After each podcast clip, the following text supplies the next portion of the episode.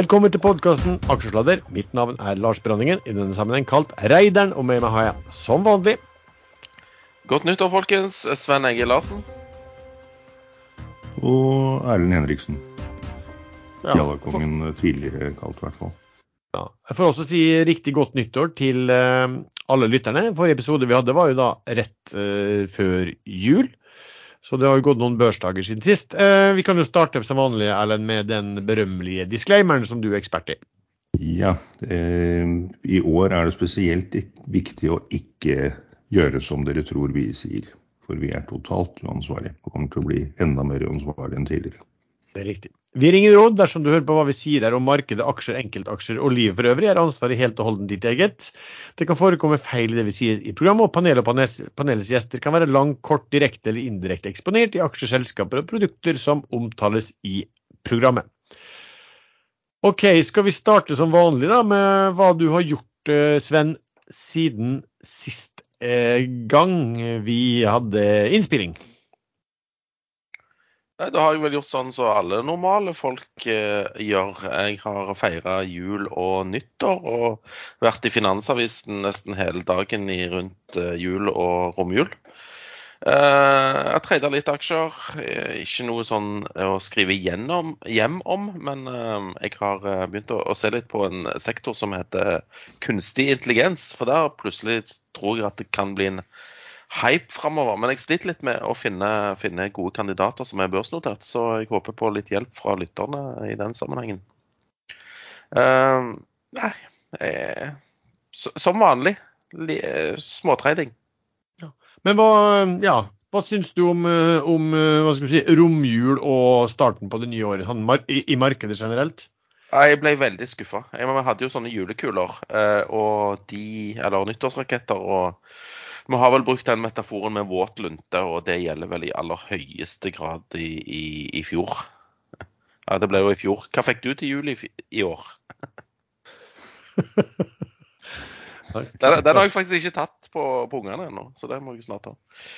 Du begynner ikke å bli lei av den, da. Jo da, de er kjempelei. Men jeg syns det er ganske løye. For det. Ja, ja, Ja, men de- det er, det er sånn det er å bli litt eldre, det, at vi syns det er veldig morsomt. Det er sånn dad, dad jokes har jeg blitt Ja. beskyldt for. Jeg regner vel med at de, de har skjønt at det er økonomisk lønnsomt å bare spille med og, og, og la det få virke smart. Ja, jeg, så lenge jeg er solvent, så er de, er de der. Sånn er det. Uh, nei, så ikke noen sånn spesielle trades du har gjort, altså? Jeg, kan, jeg kommer ikke på det, og jeg har tatt opp uh, sluttseddellisten min for, uh, fra Pareto òg. Der gjør mesteparten. Uh, nei. Jo, jeg var med i denne Avilco Drilling. eh, som er, den var en emisjon. Den ble veldig bra. Illikvitt som faen, men jeg kom meg ut på et veldig bra nivå der. Jeg tror vi snakka om den forrige episode, men ikke at du hadde solgt det. Nei, stemmer det. Da, da hadde du vel fått. Um, Jo, jeg var med, jeg var med litt i eh, Jo, det må jeg bare nevne. NTS. Det, den ble jo uh, tvangsinnløst her for noen dager siden. Eller var det i går? Mulig det var i går. Og der var det masse rar handling. Uh, du kunne få aksjer Altså, han ble tvangsinnløst til 75,48,184, for å være nøyaktig. Uh, og, og, der kunne du få aksjer ned på 73-tallet, så jeg hamstra litt der. Og så kommer plutselig en sånn rar kjøper, så presta han opp i 90. Jeg forstår ikke hvorfor, når du blir tvangsinnløst til 75,48 uh, 18,4. Så jeg, jeg benytta meg av det. Det var vel eh, et lyspunkt i, i, i, dette, i den mørketiden. Ja, du, du, du satt på noen som, du, som skulle tvangsinnløses, og som du kunne da uh, først, Nei, jeg kjøpte, drev kjøpte på 73, og så solgte jeg den opp under 80, fordi det var en tulling som skulle dra den opp på close hver dag. Ja. Han kjøpte Ja, det- tusenvis av aksjer, så jeg forstår ikke hva vedkommende tenkte med. Nei, det kan jo være noen som, som tenker at eh, de ikke skal akseptere tvangsinnløsningen, da. Eh, OK. Ja, Det er, litt vanskelig, det er litt vanskelig når du har kommet over 90% å motsette seg, liksom. Jo, men altså, prisen kan du motsette det. Jo, det kan du. Du, du kan jo ta det til retten, men det koster jo litt penger, da. Ja, og det har blitt vanskelig, stadig vanskeligere å gå og, og skille seg fra børskurs, i hvert fall når det er store aktører som har godtatt det her også. Gode, gamle, gode gamle Gåse, uh, han godtok jo prisen, så da er det vel greit. Ja. Erlend, hva har du gjort i, da i eh, romjula og starten på det nye året?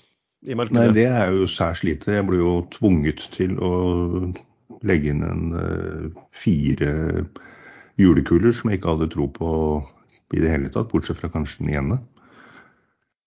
Og det gikk jo som, uh, som jeg trodde, uh, den veien høna sparker. Ja, spesielt på den ene du, du trodde på. Hvilken var det? Det var vel Calera du hadde tro på? ikke det? Oh, ja, men den, den kommer. Den, den, er det bare å vente på. Men akkurat nå ligger den nede på 6,82 eller noe sånt. Etter spleis 100 til 1. Men der, den ble jo spleiset 100 til 1, og så åpnet jo den dagen etter, og mange hadde selvfølgelig brukt meglere som ikke hadde spleiset den, så da skjedde det mye rart den første dagen. Og så stakk den plutselig opp fra syvtallet til over ti. Og det så jeg litt helt tilfeldig mellom noe, mellom noe julegreier og rydding og litt tilfeldig, så jeg gikk hjemme på kjøpsknappen og solgte, og trodde jeg solgte en tredjedel. Men jeg bomma på en null etter spleisen og solgte bare 70. Så det var rundt 10 000 kroner øh, øh, istedenfor øh, litt mer. Og det var vel sikkert mer i gebyrer og vekslingskurser og alt enn en jeg tjente på det salget. Så det, det, er litt kjedelig når man treffer spiken. Det var jo snakk om 40% opp eller noe sånt, øh, men bommer på antallet. Shit happens. Shit happens, ja. Um, ja. For min del så har jeg gjort en del. Jeg ser jeg har vært inn og ut av Autoliners. Jeg har uh, kjøpt, starta litt tidlig å kjøpe denne Cool, for den har bare falt. Men jeg har kjøpt litt mer uh, de siste dagene på den også. Um, og så har jeg solgt litt grann i Wilhelmsen, VVI, bare for at den kom langt over 200, eller godt over 270, og da var det greit å, å, å redusere litt der. Jeg har faktisk jeg har jo sittet uh, halvannet år eller noe sånt med, med uh, riggselskapet Valaris i USA. Uh, og der solgte jeg ut sånn ca. en fjerdedel. Eller redusert med der. Og så kvitta jeg med alt innenfor uh, Schibsted. Har vært inne i Africa Energy, der er jeg også ut nå. Vært inn, inn og ut av TGS, som ble ganske bra. Og så um, husker dere at jeg, jeg hadde jo Hafnia var vel en av de som var virkelig bra eh, avkastning på, i, eh, for min del i hvert fall, i, og markedet også, i, i, 2022. Og så solgte den og følte, sa vel egentlig her også at jeg følte meg nesten litt sånn naken uten den. Og så falt den en del tilbake nå for noen dager siden. Eh, omtrent på det nivået hvor jeg den gangen solgte, så der har jeg kjøpt meg en god del nå tilbake igjen i Hafnia, som akkurat nå ser bra ut i forhold til den inngangen, i hvert fall. Så, så det det jeg har gjort i uh, markedet. Det har vært en del, uh, en del trading. Men det er også sånn som Sven, jeg syns jo også i romjula, som egentlig bruker jeg morsomt, var det altså dørgende uh, kjedelig.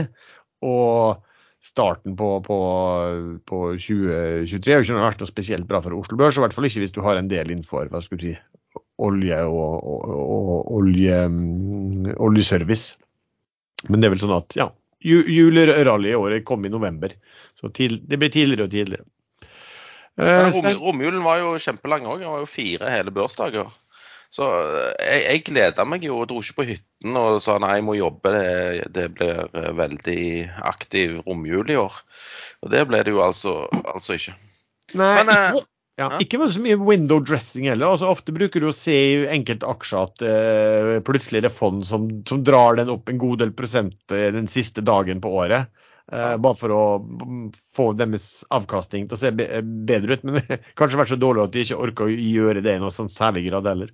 Nei, Men fikk dere noe fint til jul i, i år, da?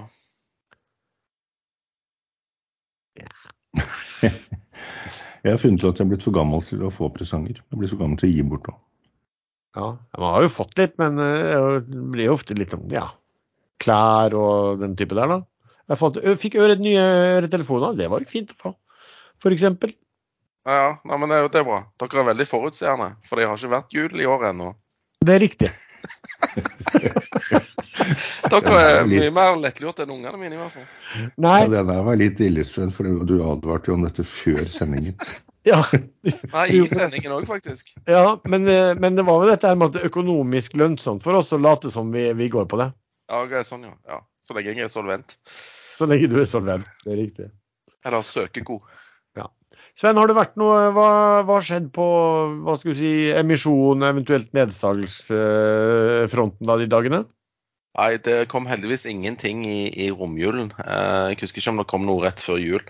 Eh, det har jeg fortrengt i så fall. Men eh, i går så var det et forsøk på en emisjon i, eh, i B-Fish. Hva er det den egentlig heter, da? Den heter Biofish. Biofish. Biofish Holding, ja. Eh, de eh, skulle hente 45-55 millioner via Fearnley Securities. Eh, jeg ble holdt løpende orientert og sa til eh, vedkommende megler at eh, nei, jeg må vite prisen før jeg eventuelt tar eh, stilling til om jeg skal tegne eller ikke. Og timen gikk, og jeg sendte en mail til vedkommende megler og spurte er det ikke kommet noen pris ennå. Da var klokken vel over åtte på kvelden, og nei, det var ikke kommet. Det er ikke kommet melding om boken dekket. Og i morgen så kom det melding om at emisjonen hadde feila. Eh, og i dag er aksjen ned 46% og det er uten at de har henta penger. Så da kan vi jo tenke oss hva som skjer når de skal hente penger eller eh, prøve et nytt forsøk. Ja. Og det er jo litt ille ja. Dyrt å være fattig i dagens marked.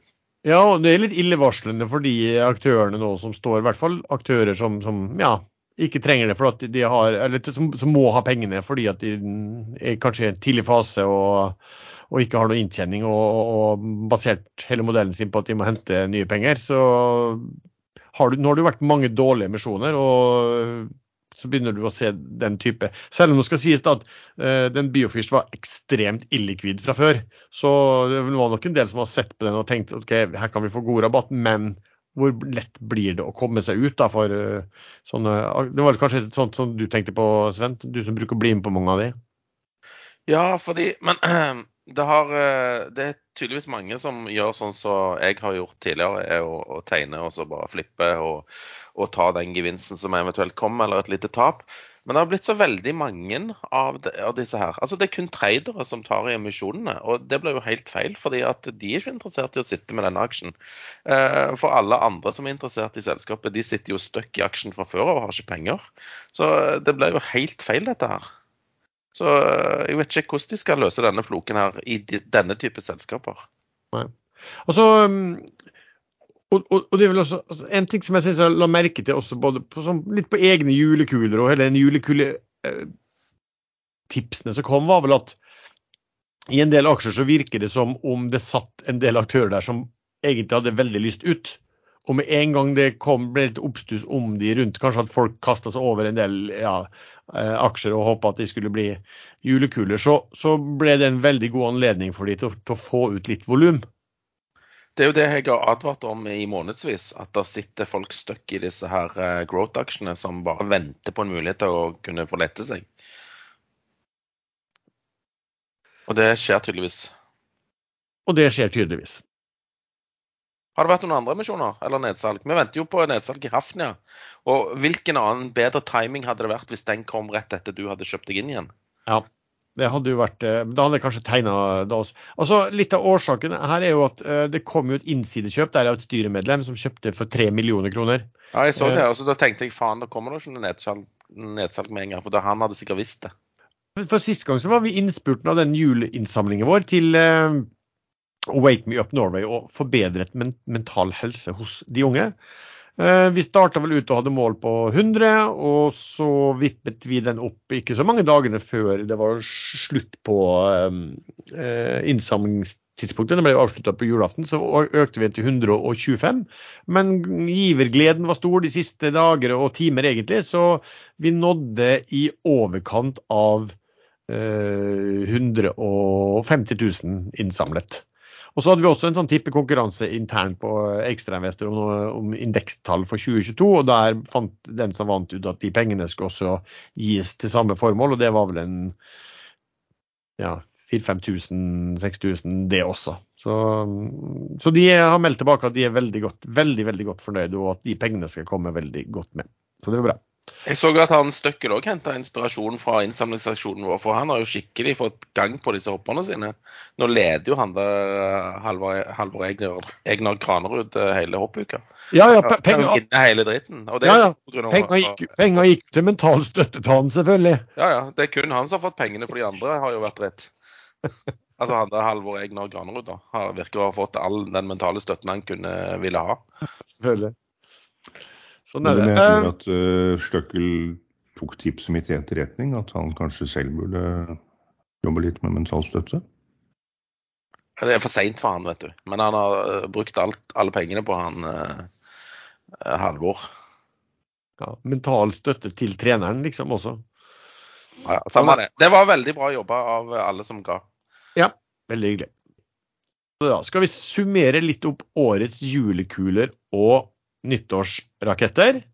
Um, som sagt, i 2021 så hadde du nesten 30% avkastning, Sven. Helt fantastisk. I fjor, 2022, så var jeg øverst og hadde hatt litt over 15% avkastning. Og kurven går jo bare nedover, for årets eh, da, eh, vinner blant oss har hele 2% Knappe 2% avkastning. Og det ble deg, Sven. Overraskende var det jo ikke, men eh, at eh, avkastningen skulle bli så lav, det var det vel ingen som forutså, inklusive meg sjøl. Dere Eh. trodde jo òg at jeg skulle tjene masse penger på disse. Ja. Ehm, For min del, jeg hadde eh, 0,993, dvs. Si at nu- 36 minus 0,6% på mine. Erlend, du ligger på knappe 10% minus. Jo, men jeg ble tvunget til å velge aksjer. Det gjorde du. Men det ble jo egentlig vi òg. Men vi brukte, vi brukte kanskje har- mer enn et halvt minutt på det.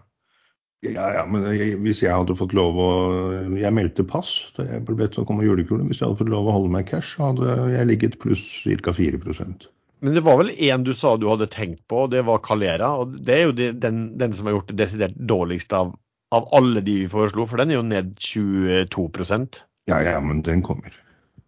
Men ikke, Men- men- ikke som julekule. Eh, kan hva også hva for en, hva for en julekule gjorde det best, sånn totalt sett? Det var eh, min Siem Offshore. Ja, der ser du. 18% opp sånn cirka. Uh, du hadde vel Nummer to er da den du hadde på uh, Sats, som er vel opp 11 Ja, Søren, den er jo ned 6 i dag nesten, så det var jo litt dum, dum timing at den skulle falle i dag. Ja. Det gikk, gikk, det gikk ikke an å shorte den lenger ned. Ja, det var, nå var det tomt for shortaksjer. Ja, ikke sant? ikke mer i Polen å få tak i. Jævla, det er jævla dyrt der, men Og ikke klarte man å vinne. At dere to, at dere to shortet Ørsted langt under innkjøpspris, det syns jeg er ganske dårlig gjort. Det Ja, snitt på 638,80, og nå er den på 633 ca. Nei, altså det er ikke helt riktig. for jeg tror de tallene du opererer med, har du sett For vi, vi skrev ned de tallene eh, i sending, eh, så du har faktisk Det er eh, Ørsted er den eneste du, du er pluss på.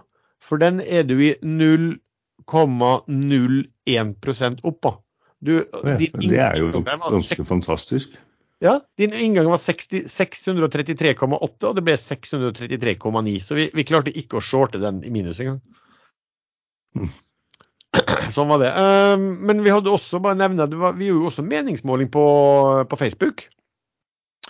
Eh, som eh, og, der vi, de fem eh, mest valgte da, som julekule nyttårsraketter, de var til sammen opp 0,7 Eh, og der var det to som var ganske sterke, eh, spesielt. eh, for det var Solstad og 5PG, som begge var opp sånn ca. 10% Men det var Ja, skal vi si at det var rimelig eh, Som du sa da, Sven. Eh, du eka jo ut et par prosenter på det, men det ble rimelig det var rimelig våt lunte på det hele. Det ble veldig kjedelig å følge med på òg, egentlig. Ja. Var, det noen, var det noen av dine, eh, Sven, som det kom noen spesielle nyheter på underveis, eller? Eller noen, Kanskje, kanskje huske noen. noen som det var noe spesielt? Det var det som, Den gangen det var 30 opp, tror jeg, så kom det noen fordelaktige nyheter. Men det var nyhetstørke i år. Alle hadde dratt på fjellet. Ja. For min del, på, for Quantafuel kom vel med egentlig et par meldinger som var gode. og når jeg så hvordan kursen reagerte på det, da skjønte jeg jo at det her blir aldri noen julekule. Eh, Men du hadde jo vunnet, du hadde jo vunnet klart, du. Hadde du hatt julekula X Quantafuel. Ja, just, dine justerte julekuler X Quantafuel er jo bra. Eh, ja, Hødli er vel ikke jeg, jeg vil ikke si det, egentlig. Nei, OK, greit. Jeg prøvde jeg bare nå å gi deg et uh, Ja. liksom Nei, eh, jeg hadde den som eh, gjorde det best, eh, men ellers var det ikke noe sånn særlig å skryte av. Altså, Seabird lå jo lang, lenge an til å gjøre det bra, og der var jo hele case at de skulle komme og dele ut eh, ekstraordinært utbytte i form av aksjer i et datterselskap før dette her skjedde. Men det har de jo ikke klart å få ut fingeren til å, å, å gjøre. Eh, det, det kommer liksom snart. Eh, og så hadde jeg en som heter Airthings, fordi at en sånn storeier lå egentlig og kjøpte alt. Hver gang kursen vippa noe særlig under fire, så lå han og kjøpte. Uh, det slutta han med nå. Han kjøpt, nå begynte han å kjøpe når det var på 3,50 eller noe sånt i stedet. Så ja, sånn var det. Uh, Men jeg er glad jeg ikke hadde den Biofish, for da hadde jo jeg tapt så det synger etter. Nå er jo den et 53 ja, du, det var jo det som kan skje, ikke sant? At det kommer en eller annen på for- altså, Tenk å fått den siste dagen du har leda klart hele perioden, og så kommer det en sånn Biofish rett i fjeset. Ja. Ja, du- eller, eller at en av de andre kom med, fikk en eller annen sånn kjempekule på en eller annen nyhet som, som varte i eh, fire timer, liksom. Ja, Mellom klokken ti 10 og klokken 14, liksom. Ja.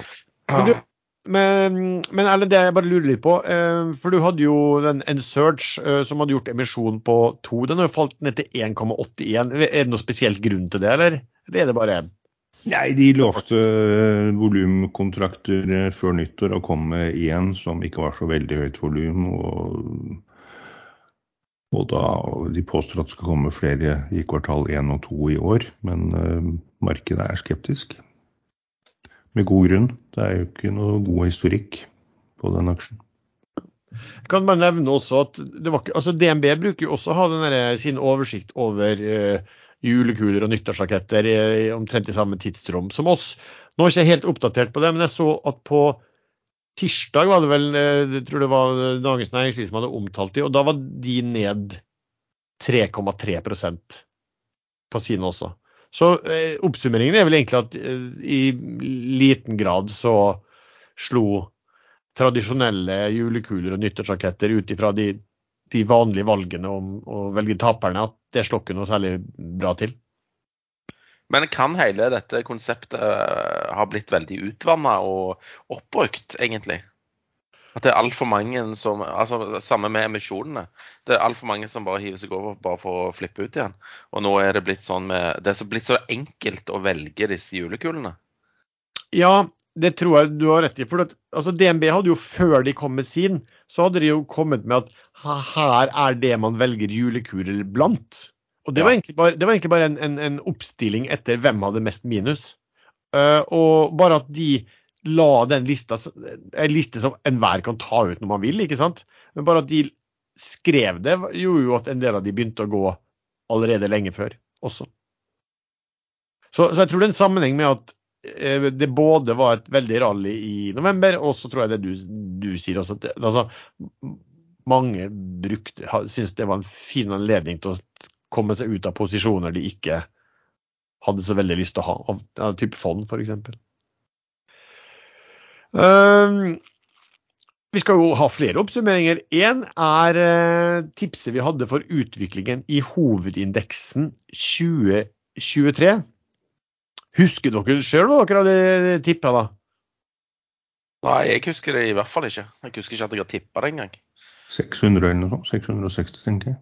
Ja, du riktig. Du hadde, som da tilsvarte en ned hva er det, 40, 50, 40 eller noe sånt? Eh, Det kommer kommer i du? år, det. Så jeg gjentar det tipset. for. Ja. Um, Sven, du hadde faktisk pluss 10% du, i år. Ja, det, det, det virker ikke å ha vært meg. Nei, det, det skal, jeg skal fortelle at um, du, du, du husker jo ikke, men jeg satt og bare, hørte bare på hva du sa da, for et år siden. Og da sa du Først så sa du minus 10% og så plutselig ombestemte du deg, for at du hadde da eh, tenkt over at men det er jo så mye olje og oljeselskap og oljeservice i Norge, så da trodde du heller det ble pluss 10 da. Så Men sånn som rela- relativt sett til andre børser, så hadde jeg jo rett, da. Ja, altså du var jo litt eh, eh, inne på, på at Oslo ville være sterk da. Um, for min del så hadde jeg sagt, så sa jeg helt flatt. Så da var jeg, bomma jeg jo på med det på med ca. Ja, under 1% fordi at de endte jo opp minus 0,7% Jo, men det er liksom det er mer sånn at det er flatt. Det betyr jeg vet ikke. Jeg har ikke peiling på hva som kommer til å skje. ja, det er samme som 5 og 10. Eller det er jo litt å, fra minus 10 til pluss 10% i løpet av, i Ja, løpet vi, vi ender på den at selv blinde høner kan finne korn, liksom. Ja. Jo, men altså, det, for å si sånn, det, det, det å plukke enkeltaksjer er jo mye mer interessant og givende. Altså å plukke i hovedindeks. Du, du vil jo veldig gjerne i gode, gode aksjer og gode sektorer, og hva indeksen som sådan blir da, er jo ikke sånn så veldig superinteressant. Jo, men hadde, hadde, hadde mitt tips vært eh, justert for non-oljeaksjer, så tror jeg jeg hadde vunnet. Men det var jo ikke det, da. Jeg vet jo det, jeg bare prøver å, å, å justere meg fram til seier. Men ja, det kan du slite litt med akkurat her, da. Men eh, Sven, hva tror du da hva, hva tipper du hoved, Hvordan tror du hovedindeksen vil gå i 2023? Vet du hva, jeg har eh, faktisk tippa i den eh, ekstrainvestorkanalen der. eh, og, og, men nå har jeg glemt ut. Jeg lurer på om jeg skrev 999. Ja. Og det var en på nå. Det betyr sånn ca. 10 ned? Eh, ja, ca. 10% ned. Ja. Så da er, jeg, da er jeg på den 10% ned i, i, i år, da. Og jeg er på Never Change a Winning Team. Eh, null. Du har ikke peiling i år heller, rett og slett? Nettopp. Og håper det skal være nok til å gi, en, eh, gi seier igjen også. Eh, Erlend He- Henriksen, da? Ja, han sa minus 40% tror jeg. han s- sier noe ja, jeg håper han vinner. Jo, men jeg vinner jo før eller siden. Eh, kan du ta 100 år, da, men Men Det er jo litt av en oppsummeringsepisode, det her da, fordi at eh, vi hadde noen Black Swans for 2022. Sven, hva, hva, hva var det du nevnte som eh, sannsynligvis ikke kom til å skje, men som kunne skje? Det har tydeligvis ikke skjedd, for da hadde jeg vel uh, huska det. Men eh, jeg, jeg husker ikke hva jeg sa. Jeg hus det var et år jeg sa aliens, men jeg vet ikke om det var i fjor. Så jeg, jeg er litt sånn på tynn, tynn is her. Jeg, jeg husker ikke hva jeg, eh, hva jeg trodde på. Nei. Eller ikke trodde på. Det var jo en svart, sort svane. Så Ja. den skal jo egentlig ikke skje. Og den skjedde ikke, så da hadde jeg vel egentlig rett. Nei. Sven og demens var vel ikke noe sort som vane akkurat, kanskje. Nei, det kommer til å bli en uh, ganske bankers sak etter hvert. Stadig mer bankers. Eh, Erlend, hva var det du hadde som eh, mulig Black Swan for 2022? Jeg hadde kupp i et større land i Europa og, og landet på UK, selv om jeg foreslo Tyskland som kanskje en større sannsynlighet. I Tyskland var det jo kuppforsøk. Så den mener jeg gikk nesten inn. Og dessuten, UK er jo på på fallittens rand. Der har de hatt tre statsministre i 2022. Og ny rekord i kortest uh, tjenesteperiode med hund trøss på 55 dager i september og oktober. Men nå ser det ut så- til å roe seg ned med han Sunak ved roret. Men uh, de har jo også klart å ta livet av dronningen sin og innsatt Charles. Uh, det Klart nesten- å ta livet av. ja, det er ikke noe tvil om. Og så Meghan og Harry flytter og bare krangling. Hvordan kan så ressurssterke mennesker bruke så mye tid på en intern familiekrangel og få den ut i pressen? Det lurer jeg veldig på. Men, de kan men det, Du, du kan òg spørre denne Wilhelmsen-familien om det samme. Ja, nei, Det er helt fascinerende. Når man er så privilegert, så skal man bruke tiden sin på andre og ikke på seg selv. Men eh, når hun Camilla har blitt dronning i UK, det må vel kalles tilnærmet et kupp. altså, jeg, jeg, merker at du på alle mulige måter forsøker å, å, å koordinere deg fram til at du skal vinne, ved at, ved at du starter med at du mente det var kupp i et større europeisk land, som du egentlig mente var Tyskland. Nei da, du sa ikke noe om større europeisk land. Du sa ikke noe om Tyskland. Du sa at du skulle komme kupp i UK. Og jo, jeg var- var innom de andre først. Det husker jeg veldig godt. Jeg tror faktisk Erlend eh, har litt rett der. Han diskuterte seg litt fram og tilbake at det kunne være Frankrike, Tyskland eller, eh, eller UK. Eh, Men det var jo ikke et kuppforsøk i Tyskland. Det var jo sånne planer om. Ja, det var det, så de tok jo rottepall i begynnelsen. Men, men de har jo bare tatt toppen av isfjellet på de de har arrestert. Det er mange flere som ligger under og håper og planlegger nytt kupp der. Det fascinerende, Sven, er at du, du husker hvordan, eh, Erlend eh, argumenterte og snakket rundt sin Black Swan, men du husker ikke din egen i det hele tatt? Nei, for eh, Erlend sin var så ekstremt usannsynlig at jeg eh, ble litt interessert. Mens min var sannsynlig, men skjedde ikke. Ja, Alien, det var det du kanskje trodde? da. Ja, men jeg vet ikke om det var det. Men at jeg, jeg er den moralske vinner? Jeg, jeg husker ikke Lars sitt. som Ja, min, min, min er jo den egentlig den klare vinneren, for det var solstorm. Og det har skjedd opptil flere ganger. i Ja, men det er. Solstormer skjer jo hver daglig nesten. Men Og- og, for det når- første må de være store nok, og for det andre må de treffe jorda. Og det er det Ja. ingen som har gjort. Jo, jo, jo. Gang på gang har vi sett dette. og Vi vi har til og med registrert det i, under innspilling flere ganger i, eh, i eh, aksjesladder. Når, når f.eks. når ja, folk har holdt på å rota med ting og ikke fått til ting og gjort og ikke glemt å mute seg og sånn, og klagd på elektronikken, ikke minst. Det er et typisk tegn på solstormen som har eh, slått til. Så det har vært utrolig mye sterke solstormer som vi kanskje ikke har helt oppdaget. Så når du glemte å sette på opptak øh, etter, og vi fant ut det etter halvspilt episode, så var det solstorm, det da? Ja, ja. ja da. Det, det er vel for Jeg, jeg, jeg tipper det var mer storm i vannglasset til Lars enn det var en solstorm.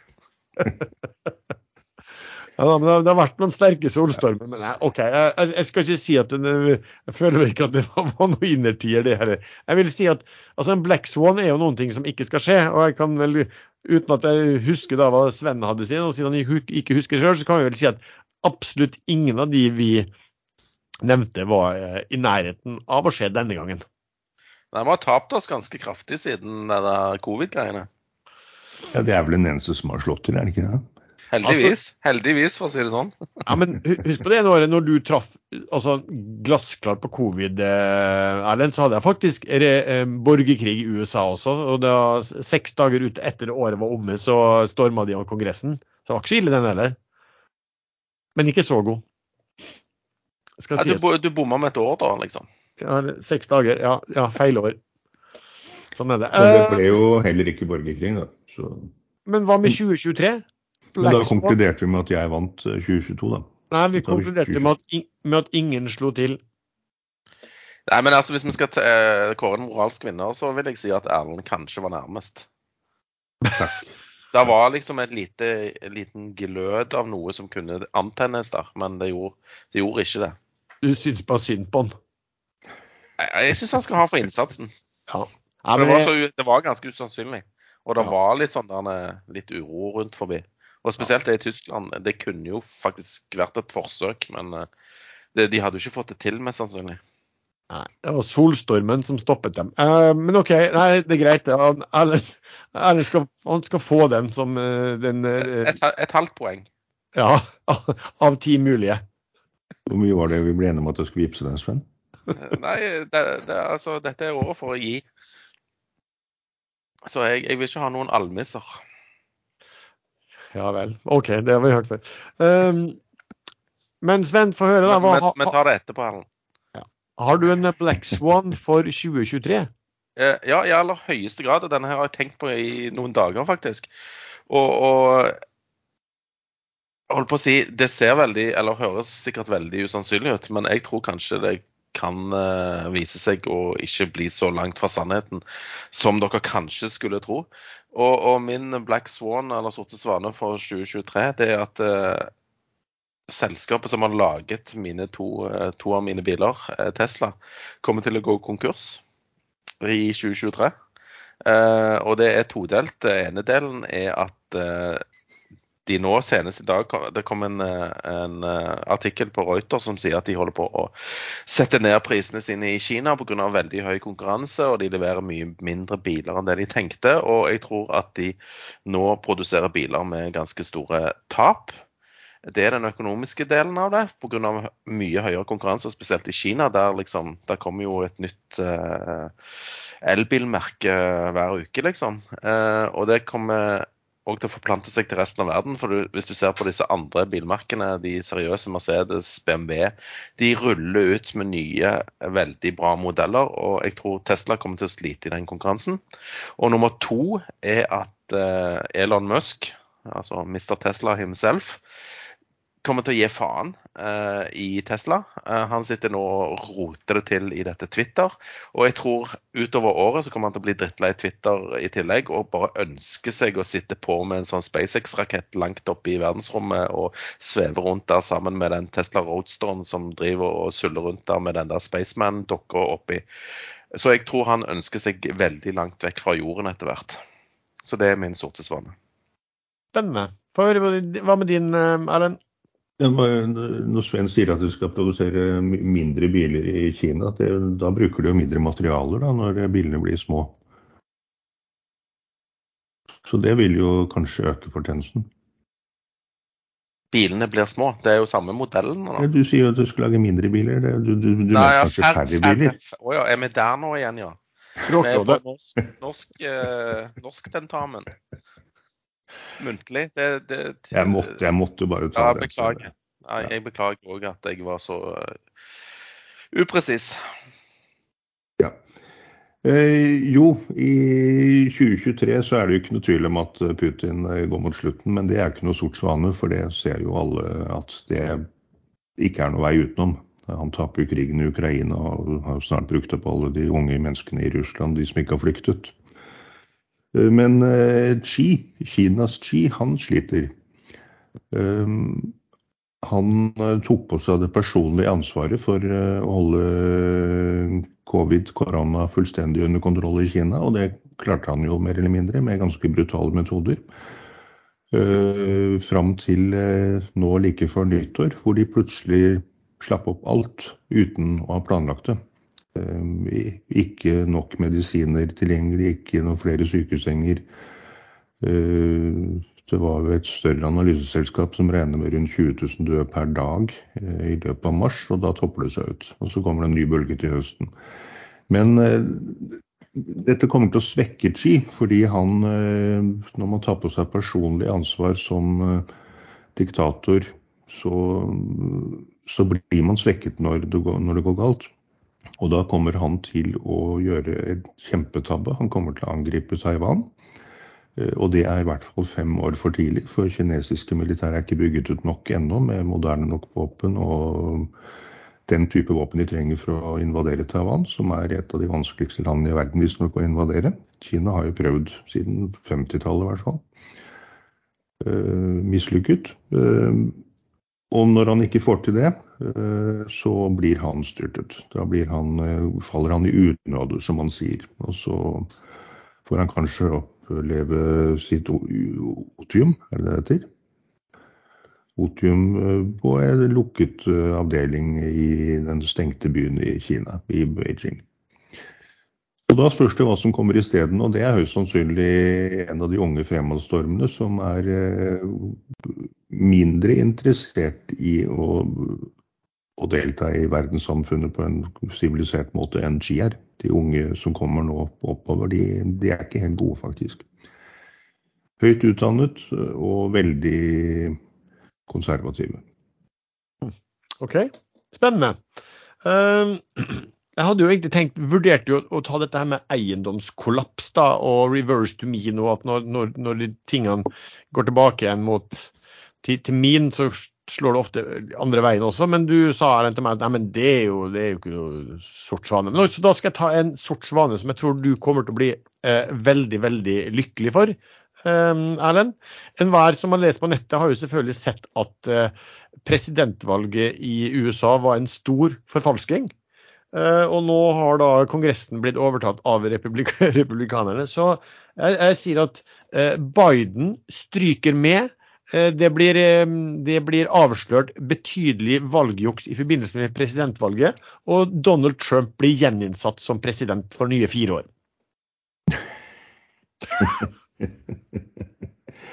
ja, ja. Her skal det brytes en del grunnlover, følte jeg, for at det skulle skje. Jo, men det, det er jo en ja, sort svane. Det var jo faktisk noe Trump oppfordret til i sin melding på Truth Social, å bryte grunnloven. Men det slo ikke så veldig godt an selv i republikken. Nei, men du skal ha for den. Dette, denne her er veldig usannsynlig. Så går den inn, så kommer du til å vinne. Klart. Men du sa at eh, republikanerne har overtatt kontrollen i Kongressen, dvs. Si Underhuset, eh, huset som de kaller det. Ja, Eh, Det stemmer jo kanskje ikke helt da, når de har hatt elleve valg for å prøve å velge en spiker blant sine egne og ikke klart å få det til. Jo, men det, det kommer i dag. De har allerede inngått avtale på bakrommet. Nei, det kommer neppe i dag. De får ikke det til før helgen, og da blir det neste uke. Men før eller siden, i hvert fall. Det, Ja, jeg føler det siden. Men nå er de allerede på 150-årsrekord eller noe sånt. Det har vel ikke vært så mange valg til spiker siden før eh, borgerkrigen.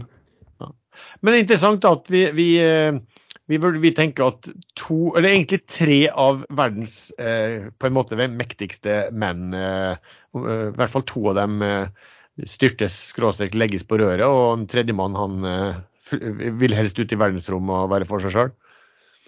Så det blir jo spennende å se da hva, hva som eh, hva som kommer ut av, eh, av det her. Jeg vil si kanskje din Sven er vel den som er kanskje minst Kanskje, kanskje har størst sannsynlighet av alt det veldig usannsynlige her.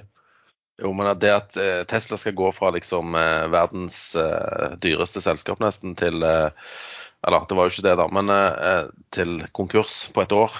Nja. Det, Ja, det er jo høy, det er jo Det skal- høyst, skal høyst usannsynlig. Men eh, apropos speaker. Eh, jeg eh, var faktisk eh, for en del år tilbake sånn eh, speaker eh, i, hos Nasdaq i Stockholm. Og, og det ligger i kista. Så jeg var da speakeren i kista. Og det er sikkert første gang og siste. Hva, hva Kan du forklare hva det var å være spiker på Nasdaq i USA? Nei, ikke i USA. eh, Nasdaq i Stockholm. Det var i forbindelse med denne robotsaken. da, Så, så hadde jeg sånn foredrag om, om robothandel og, og sånne ting. Og da, men eh, Nasdaq hovedkvarter ligger i bydelen Kista i Stockholm. Ah. Timing. er.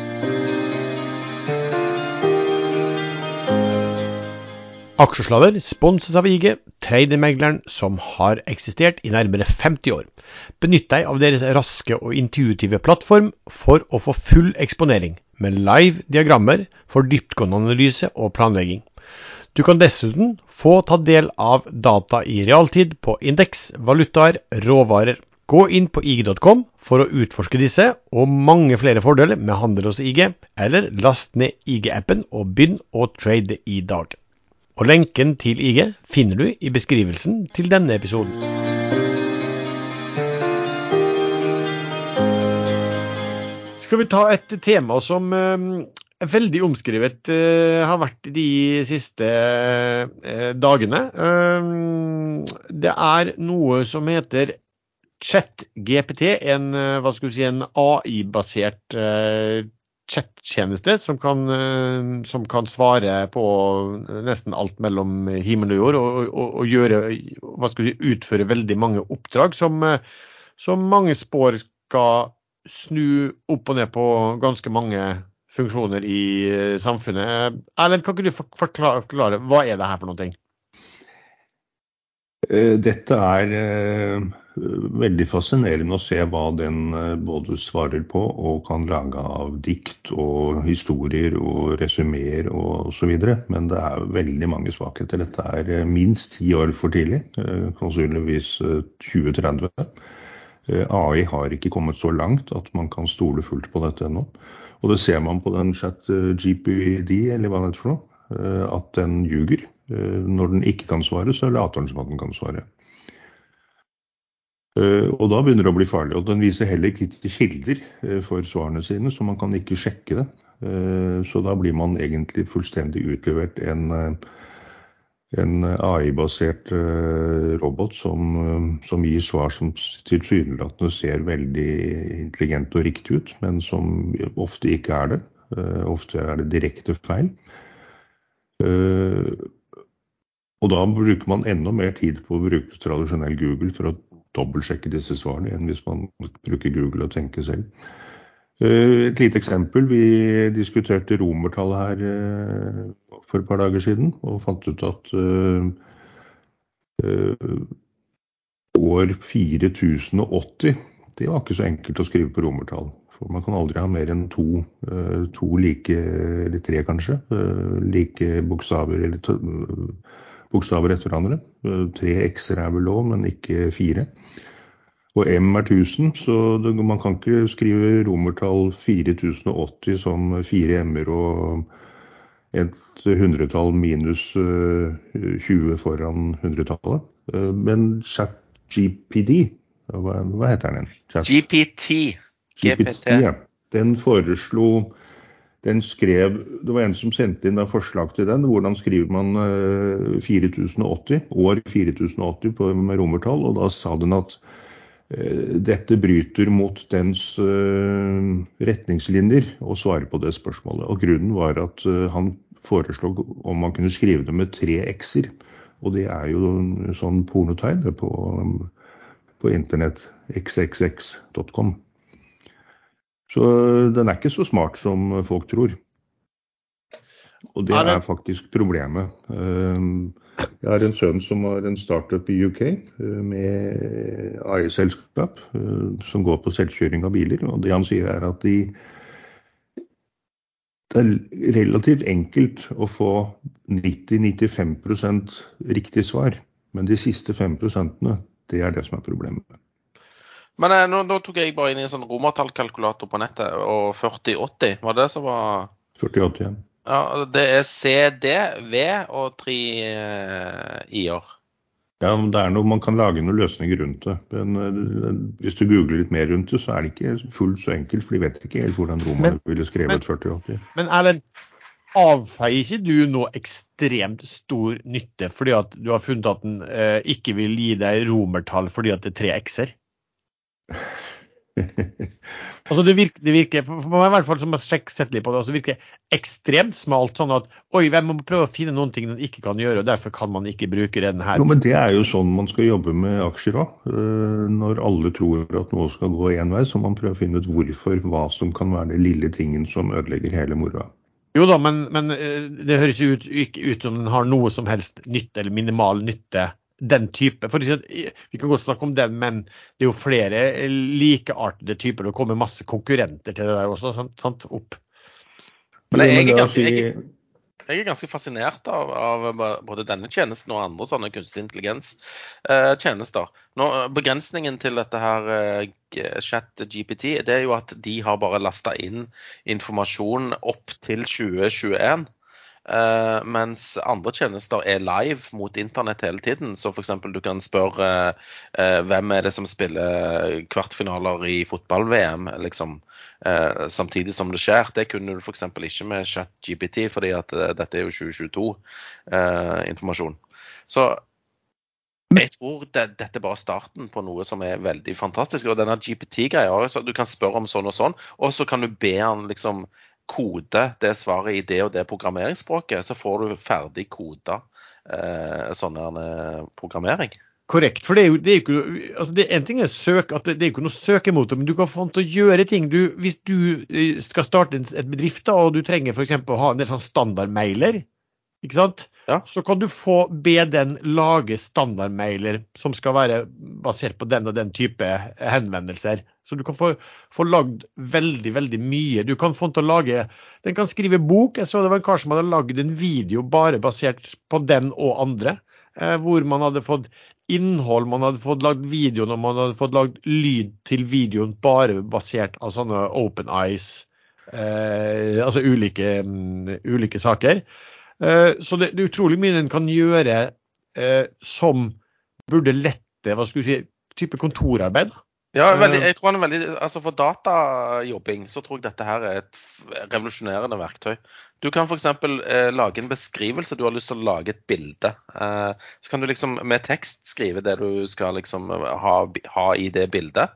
Du kan da eh, få den beskrivelsen, eh, og så kan du ta og så eh, Altså, du får en tekst, så kan du lage det om til kode. Så kan du ta den koden over til et annet nettsted, putte den inn i en sånn generator, så får du ut ferdige bilder.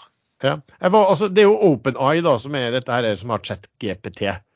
Og uh, der var jeg inne det er en stund siden, altså Kona mi hun er jo kunstner, så hun tegner jo og maler jo.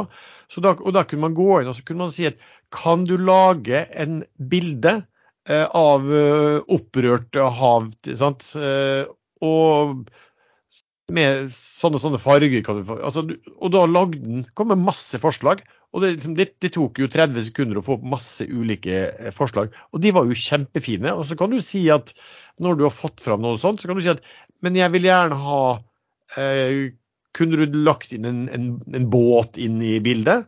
Bang! Kommer inn en båt, alt ser bra Altså det er jo tenke sånn som på kunst og, og produksjon av, av, av, innhold, tekstinnhold, så må jo det her være eh, veldig interessant. Og så kan jeg si, altså, det her er litt morsomt, da. fordi at Nå tenkte jeg som et eksempel eh, til dagens prat om dette, her, så tenkte jeg, så spurte jeg den chat-GPT da, kan du lage et poem, et, et dikt, om tre investorer kalt Reideren, Treideren og Jallakongen? Ikke si vi skal ha diktopplesning i podkast her nå, fordi det, dette er langt ut forbi statuttene. Men, men, skal vi lese Det er jo ganske morsomt da, å høre hvordan den, den er skrevet.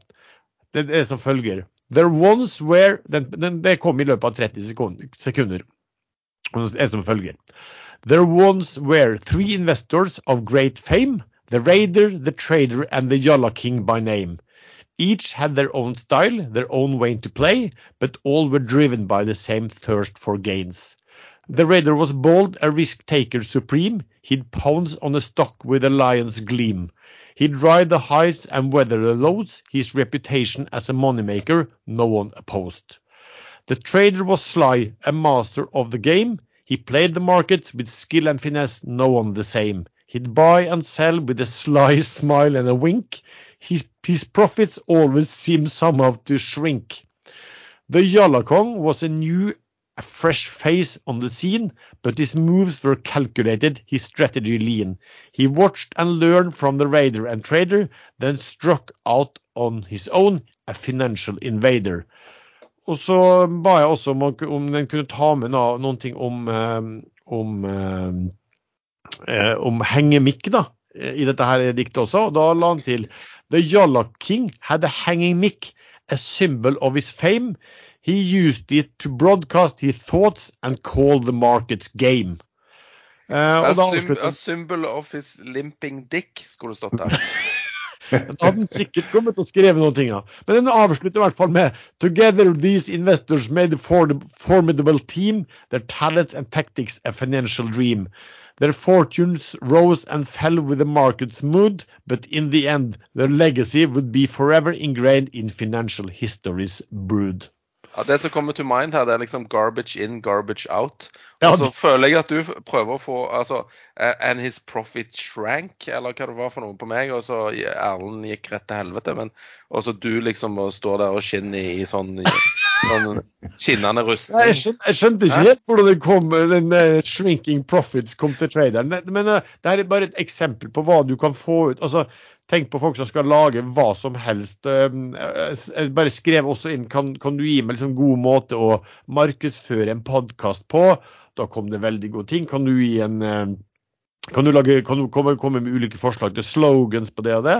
Uh, ja, veldig, veldig interessant. Så det er det som, du har holdt på med i romjulen? ja. Selvfølgelig. Som uh, diktanalytiker fra ungdomsskolen, så, så, må jeg påpeke at den uh, hadde et rimfeil. Den uh, brukte 'play and gains' som i rimet sitt, og det, det, det er juks. Nødrim heter vel det. Det var bra du fikk med det i farten. Eh. Ja, ja. Men jeg fikk også med meg at du kalte det hengemikk. Og der, jeg har det skriftlig i flere settinger at jeg har kjøpt en ståmikk, ikke en hengemikk. Ja, nei, men det var jo, Dette var jo artifisiell intelligens som lagde dette, så ikke skyld på meg. Jo, men du la inn feil parametere. Ja. Nå når vi snakker her, så har Ørsted tatt fullstendig av. Den er nå opp Konkurransen er ferdig. Konkurransen er ferdig. Over. Dommeren har blåst av 14 minutter tillegg var nok. Han kommer til å komme den kaleraen sin i sommer en gang, tror jeg. Nei, kalera kommer i kvartal én. Men, eh, men, eh, men Erlend, bare sånn tilbake til chat, GPT og, og, de tingene der. Tror du ikke at den type teknologi kommer til å få eh, stor påvirkning på en del oppgaver i samfunnet? Jo, jo, helt, helt klart. Men man må være klar over begrensningene. Det er litt ja. synd hvis uh, Musk uh, ha et eller annet problem når han skal lande på Mars etter å ha reist av gårde med Starship, som tidligere het BFR. Big Fucking Rocket. Uh, og de får problemer underveis som justerer kursen og spør chat uh, GPT, GPT, om uh, hva som er riktig, og den ikke vet svaret, og ljuger. Og gir dem løsningen med å gi litt mer gass der og bremse litt mer der, så går det helt gærent. Jeg tror ikke han lyver, jeg tror heller han sier 'jeg vet ikke' på en veldig Nei, det det gjør. intelligent måte.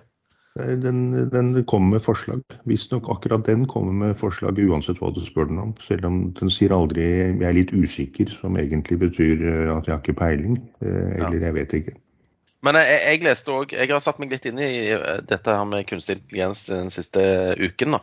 For jeg, jeg syns det er litt interessant. Og jeg, jeg, bare kjenner på at det er en viss buzz, og at jeg tror det kommer en hype rundt dette segmentet. Og jeg har leita etter børsnoterte aksjer worldwide som, eh, som holder på med, med, AI.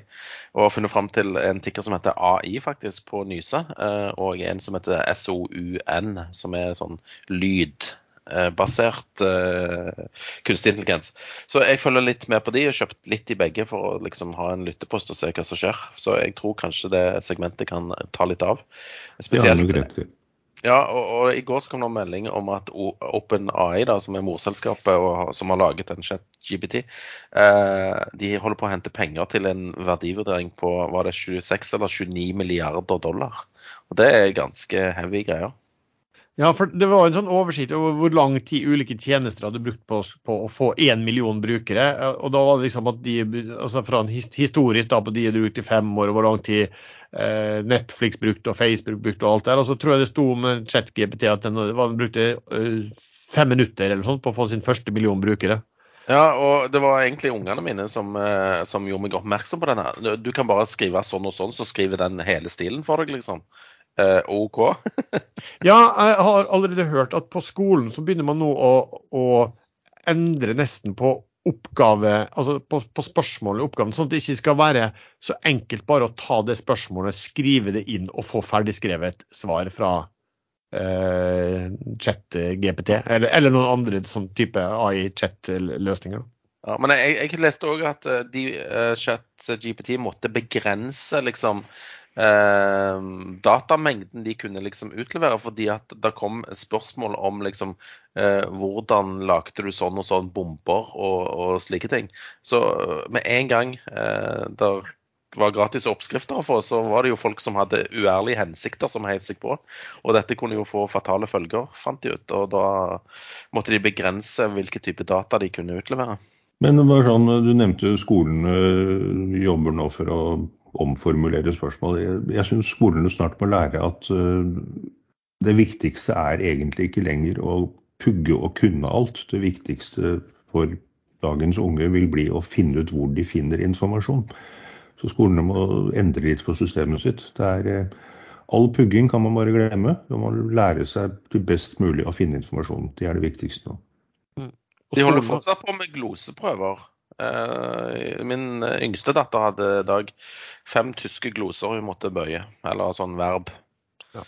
Det, det, det, vi, er fortsatt, vi, er fortsatt, der. Det holdt jeg òg på med når jeg gikk på skolen. Ja, det har faktisk snakka litt med barna mine også, at det, hvor, hvor, mye har liksom, skolen endra seg i forhold Du sitter fortsatt på din pult sånn og sånn, du har fortsatt en lærer som står foran og gjør sånn og sånn, du har fortsatt pugging av gloser, ikke sant. En, en, ja. Jeg tror vi brukte hele første og andre klasse på å skrive border. Hadde bøker med border for å Via å lære å skrive border høye og lave, opp og ned og to etasjer, én etasje, så skulle vi lære å skrive bedre. Jeg skriver aldri lenger. Hvis jeg laget en jukselapp nå i dag for å huske hva jeg skulle fortelle om, men den er bortimot umulig å lese. så neste gang jeg lager Det er fordi du bare tegner, du har bare tegna sånne border? Ja, men det er, det er, jo gått helt i glemmeboken. Det er, jo, det er jo ikke informasjon eller det er ikke kunnskap man trenger lenger. Man skriver jo på PC og på mobil og eller eh, ja, ja, alle, leks, alle leksene, eh, de som har lekser, det, de innleveres per eh, PC. Men Sven, du som har satt det litt inn i det der, da. Er, er det noe er det noen, noen selskaper eller, eller, noen områder du ser for deg som eh, drar nytte av det her, skråstrek, eh, kan, det kan være en fare for, for inntjeningen? Eh, Google vil jo være et selskap som eh, visst eh, Altså Google og kodere, altså sånne IT-konsulenter. Eh, hvis du kan få dette ferdig koda, eh, bank så er det ikke så vits å ha liksom, en som sitter der og koder for hånd, altså manuelt. Eh, så type den Altså, jeg tror bare dette vil forenkle veldig mye som har med eh, databehandling å gjøre framover. Ja kontor, eh, type, også kontorarbeid, sitte, sitte, og forfatte det enkle ting. Graf, grafisk design, f.eks. Du kan bare putte inn hva du har lyst til å se, og så kommer man med forslag. Bang smokk. Mye raskere enn en som driver med sånn grafisk design på PC i sånn grafikkprogram. Ja. Altså, Dette blir bare automatisert, istedenfor at én sitter og, og tegner og, og, og sånn, så, så kommer dette mye fortere. Altså, eh, du nevnte Google. Det er litt interessant, for nå kom det en melding var det i, går om at Bing, altså som er den litt eh, hva skal vi si, mer mislykka eh, søkemotoren til ja, det, det, er jo Microsoft sin, og Microsoft ja. er jo en av aksjonærene i OpenAI. Ja. Og, og de, tenkt, de, ser ut som de har tenkt å inkorporere ChatGPT inn i Bing. Inn, inn i bingen med ja. GPT. Ja. ja. Så det, det, er klart at de, her, her, her, ser man, her, ser man, muligheter, altså. Og Absolutt. det kom òg en melding fra et meglerhus som sa at uh, Microsoft sin uh, satsing på OpenAI er under, uh, underforstått. Eller ikke underforstått, men underverd... Undervurdert. Undervurdert. Ja. Men eh, jeg har jo noen sønner da, som eh, også følger med på aksjemarkedet litt, som han skrev at det er kanskje litt på kanten å kalle et selskap som er priset til 1,7 trilliarder dollar for undervurdert. Nei, bare den og, selve biten, uh, satsingen på kunstig intelligens, var kanskje under. Men han sa også det at uh, Google, uh, som nå plutselig dømmes nedover hjem, de har jo sitt eget OpenAI eller AI-system som de har jobbet med lenge uten å slippe det helt løs i markedet. Så plutselig ja. kom de med Så det, det, det, er for tidlig å dømme vinnere og tapere i dette, tror nå jeg. Så... Da det en artikkel på The Motley Fool, som er en sånn uh, investorsite i USA. Uh, hvilke er de beste uh, AI-aksjene å eie framover? Og, og, der var det egentlig bare ett Pureplay AI-selskap, og det, det, har tikker AI. Det heter så mye som C3.ai, selskapet. De, de, har en del kontrakter med militære og sånn i USA, og strømselskapet eller energiselskapet Engie i, i, Europa. Men det som de da lista som det beste selskapet uh, AI-relatert, er Nvidia, som lager disse her uh, uh, grafikkorter og andre datakorter. Så noen IBM, Micron Technology og nummer fire Amazon. Og dette her C3.ai på femteplass. Så det er de tradisjonelle selskapene fortsatt som er å eie i, i det spacet der, mente de. Men jeg er jo aksjonær i et selskap som heter Halodi Robotics. Eh, jeg vet at Eller de har nettopp henta penger. Eh, det kommer sikkert en melding om det litt senere i kvartalet. Og OpenAI er en av de nye aksjonærene. Altså Disse her lager roboter, OpenAI lager kunstig intelligens. Så hvis du da tar og parer dette sammen, så kan du jo få noen eh, roboter som kanskje har ja, hvis du feilprogrammerer disse her, da, så kan du jo få uante konsekvenser. Ja, det, fall, eh, det, blir i hvert fall spennende. Og så er det jo vi, vi, vet jo at det kommer til sånne hva skulle de, hype rundt uh, bransjen. Nå har jo AI vært kjent ganske lenge, da, men plutselig så er det liksom innen visse områder her så, så, blir det en sånn hype at alle skal inn og kjøpe seg inn i jo, men, selskap. ikke sant? Det har vært hype om det, liksom kunstig intelligens, hva, hva, hva, hva kan bruke det til. Men nå ser du jo liksom konkrete eksempler på hva ja. du kan bruke det til. Og ikke det er jo først da liksom folk Oi, dette var kult. Uh, og at det kan bli ja, god stemning. Noe annet der, det ikke har vært så god stemning, eh, det er jo eh, aksjemarkedet og obligasjonsmarkedet globalt. Og du Sven, du sendte oss før sendingen oversikt over hvordan en sånn type 60-40-portefølje um, har gjort det i år kontra tidligere år. Hva, hva kan du fortelle, Sven? Ja, det er en plansje her som er laget av NYU, altså New York University, som jeg rappa fra Twitteren til eh, godeste Pål Ringholm, som posta denne her i forgårs, tror jeg det var. Eh, og de, han har lista opp de verste Eller han har ikke lista opp, men eh, New York University har lista opp de verste årene for en sånn 60-40-portefølje. Og, og, og, hvordan de har gjort det i det året. Og, og 1931, altså under The Great Depression, så var en 60-40-portefølje ned 27,3 Uh, 1937 var det tydeligvis et crash, og da falt det med 7,7. Og så på tredjeplass, 2022, The Great Inflation har de kalt den perioden. Og 60-40-porteføljen er ned 16,9 som er allerede på topp tre hva gjelder en sånn type portefølje. Og med det i tankene så spørs det liksom hvor mye mer dette skal falle da, eh, før det snur. Tenkte ja. jeg når jeg så denne plansjen.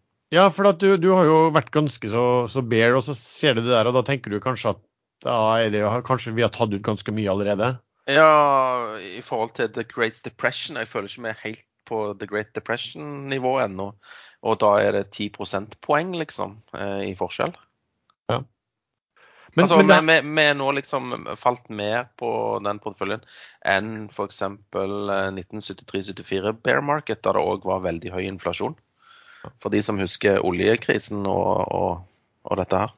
Ja, for finanskrisen dro altså alt ned i ca. 14 mens ja. eh, i år er ned ca. 17 bare sånn til sammenligning. ja, men vi merker, ikke, vi merker, det ikke, i Norge, og det er jo derfor jeg er bedre, liksom, for den norske børsen har jo ikke falt i noe særlig. Men, men her, det er jo todelt her, da. fordi at um, Når man snakker om sånn 60-40, så er det vel da 60 eh, aksjer og 40% obligasjoner.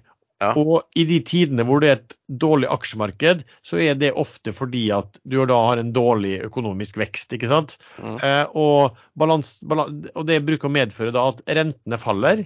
Og derfor øker, så, så mens den 60-prosentige aksjeandelen faller i verdi, så øker da den 40-prosentige obligasjonsdelen i verdi. Som, som bruker det å være.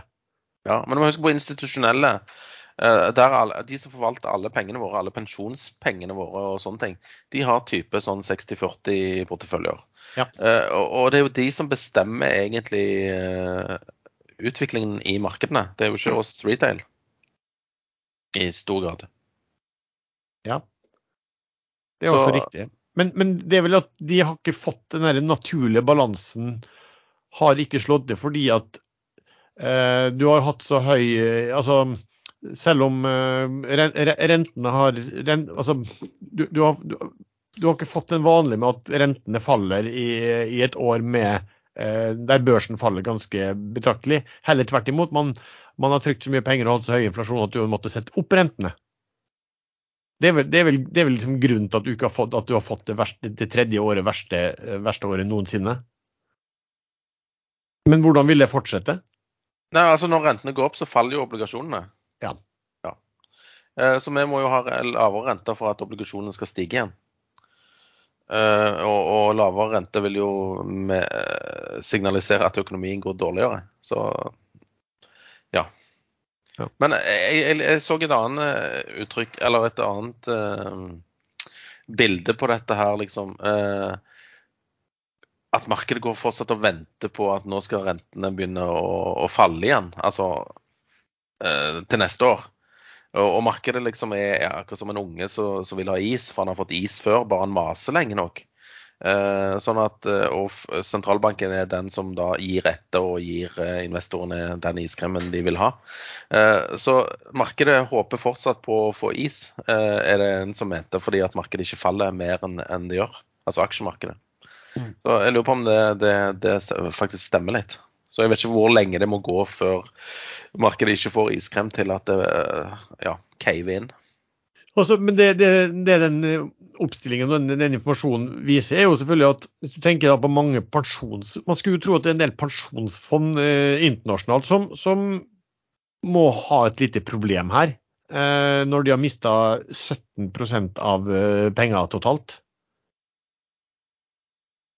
Ja. Det, var, hvert fall, hvert fall, altså, du kan fort få at du er, blir veldig underfinansiert, f.eks. Ja, eh, helt klart. Men jeg, jeg, vet ikke hvordan vi skal løse dette her, hvis det var det du trodde. Nei.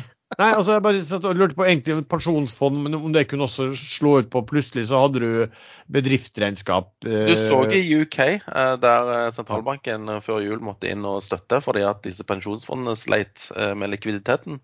Ja, det var Det kan- det kan jo skje. enda en eh, hendelse som støttet opp under at det nesten ble kupp i UK, bare som en liten digresjon.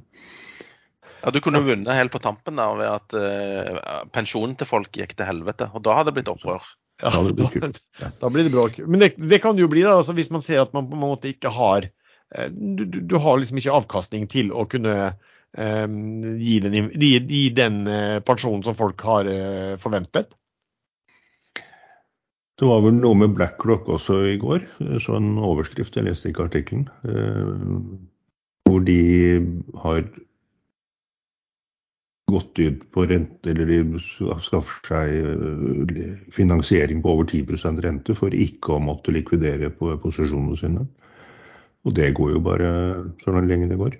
Ja. Jeg så også den artikkelen, merka meg også at den, den er rimelig spesiell når et sånn enormt eh, fond må opp i å betale den type renter. Og, og det, det virker jo litt desperat, da.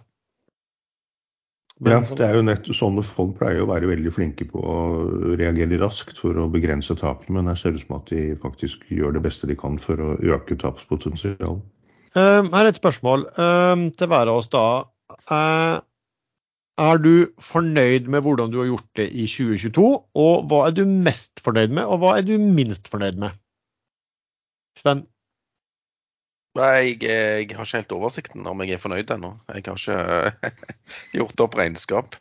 Fordi at når du liksom eh, tar ut eh, utbytte liksom i løpet av året og sånn, så virker det ikke som du har tjent noe penger, men du har jo egentlig det. Men eh, jeg, er ikke, jeg vet ikke helt om jeg er fornøyd ennå. Men du kan jeg jo, bare, kan du bare gå inn og ta ut liste, og, eller så se, ligger jo ganske greit framme hos megleren din på du, hvordan du har gjort det.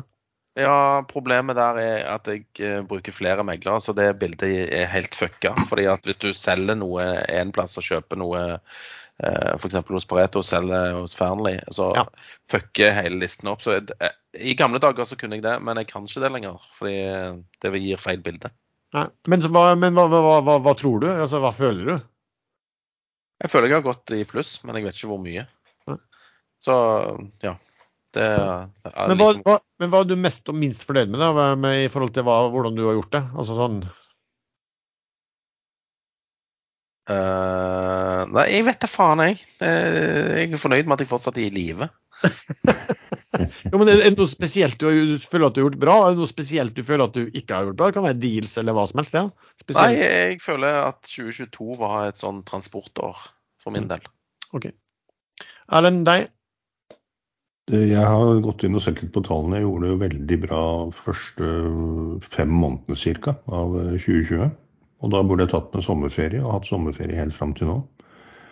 For eh, etter eh, fra og med juni-juli 2022 så har det gått eh, veldig dårlig. Det er masse små tap, ikke noen store tap.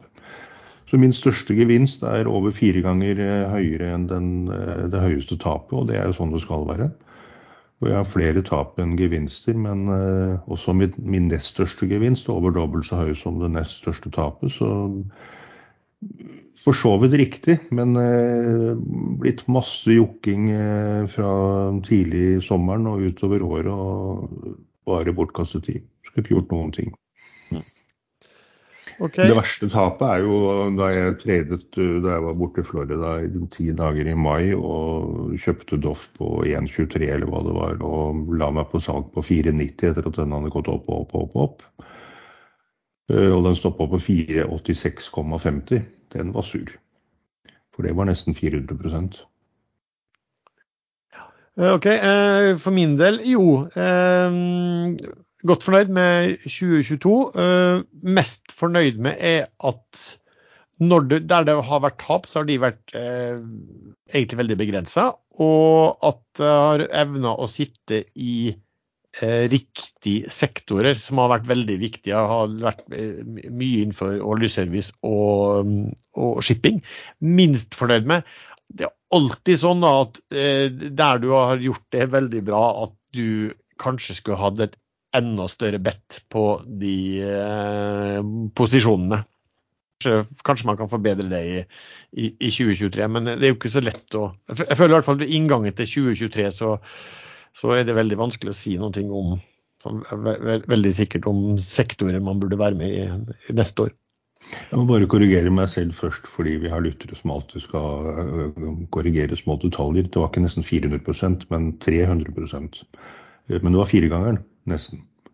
Kom forresten akkurat så en melding om at uh, New York City Department of Education har uh, forbudt bruk av chat-GPT fra offentlige skole, nettverket og til bruk, da, fordi at ja, kan, man kan lage skriftlig innhold sånn, som ungene blir bedt om å levere inn via dette her, og at ja, concerns about negative impact on student learning og safety and accuracy of content.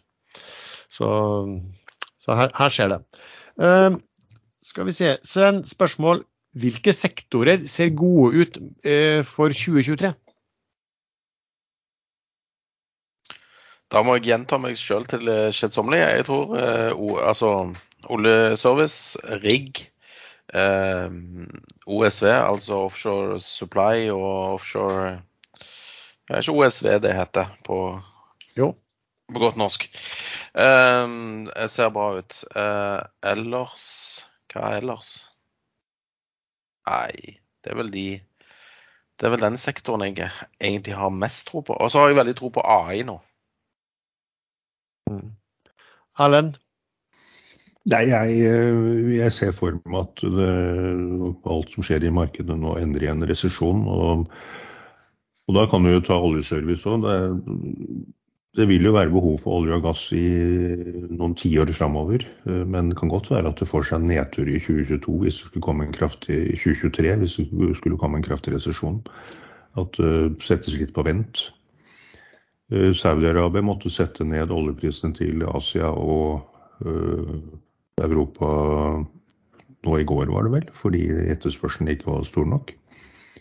Og de klarer jo ikke å produsere det de har eh, kvote til heller, så vidt jeg har fått med. Så, så det er ikke bare lysetegn. Og hvis du ser på riggratene, nå var det akkurat en rigg, en av de syvende generasjonsvel, som fikk en uh, døgnrate på litt over 400 000 dollar.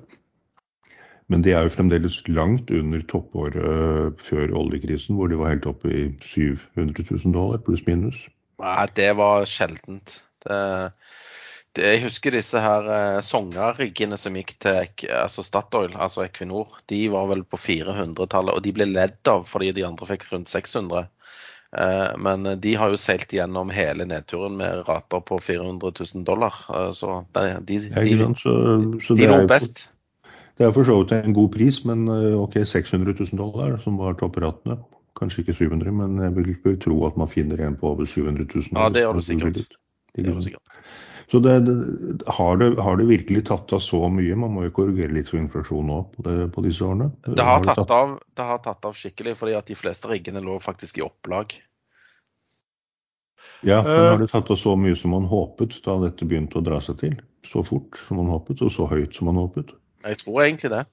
Ja, Min oppfatning er vel at de har nesten løpt etter og måtte oppjustert eh, forhåpningene sine stadig vekk. Eh, og, og, når det kommer inn sånne datapunkter, så bruker de ofte å ligge høyere enn hva de hadde forventa på rigg.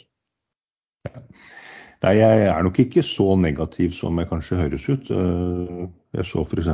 SAS her om dagen. Det var opp 18% inn på nyåret.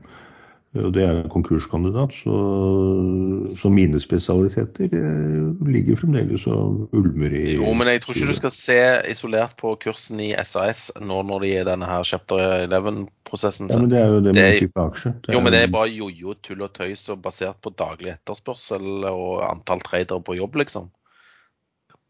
Men eh, jeg er jo litt eh, enig med Sven at altså på, på, dagens oljekurs så ser jo oljeservice veldig bra ut. Og så, men jeg er også veldig enig med hva du tar opp, da, eh, Erlend, i, i forhold til hva resesjonen kan gjøre med den prisen. Altså Hvis du bare tenker liksom på, på, på oljemarkedet, så sier at det er eh, 100 millioner fat som produseres og 100 millioner fat som konsumeres omtrent. Altså, det, det skal så lite til eh, bortfall av tilbud eller, eh, eller eh, lavere etterspørsel, endra etterspørsel i forhold til hva man tror.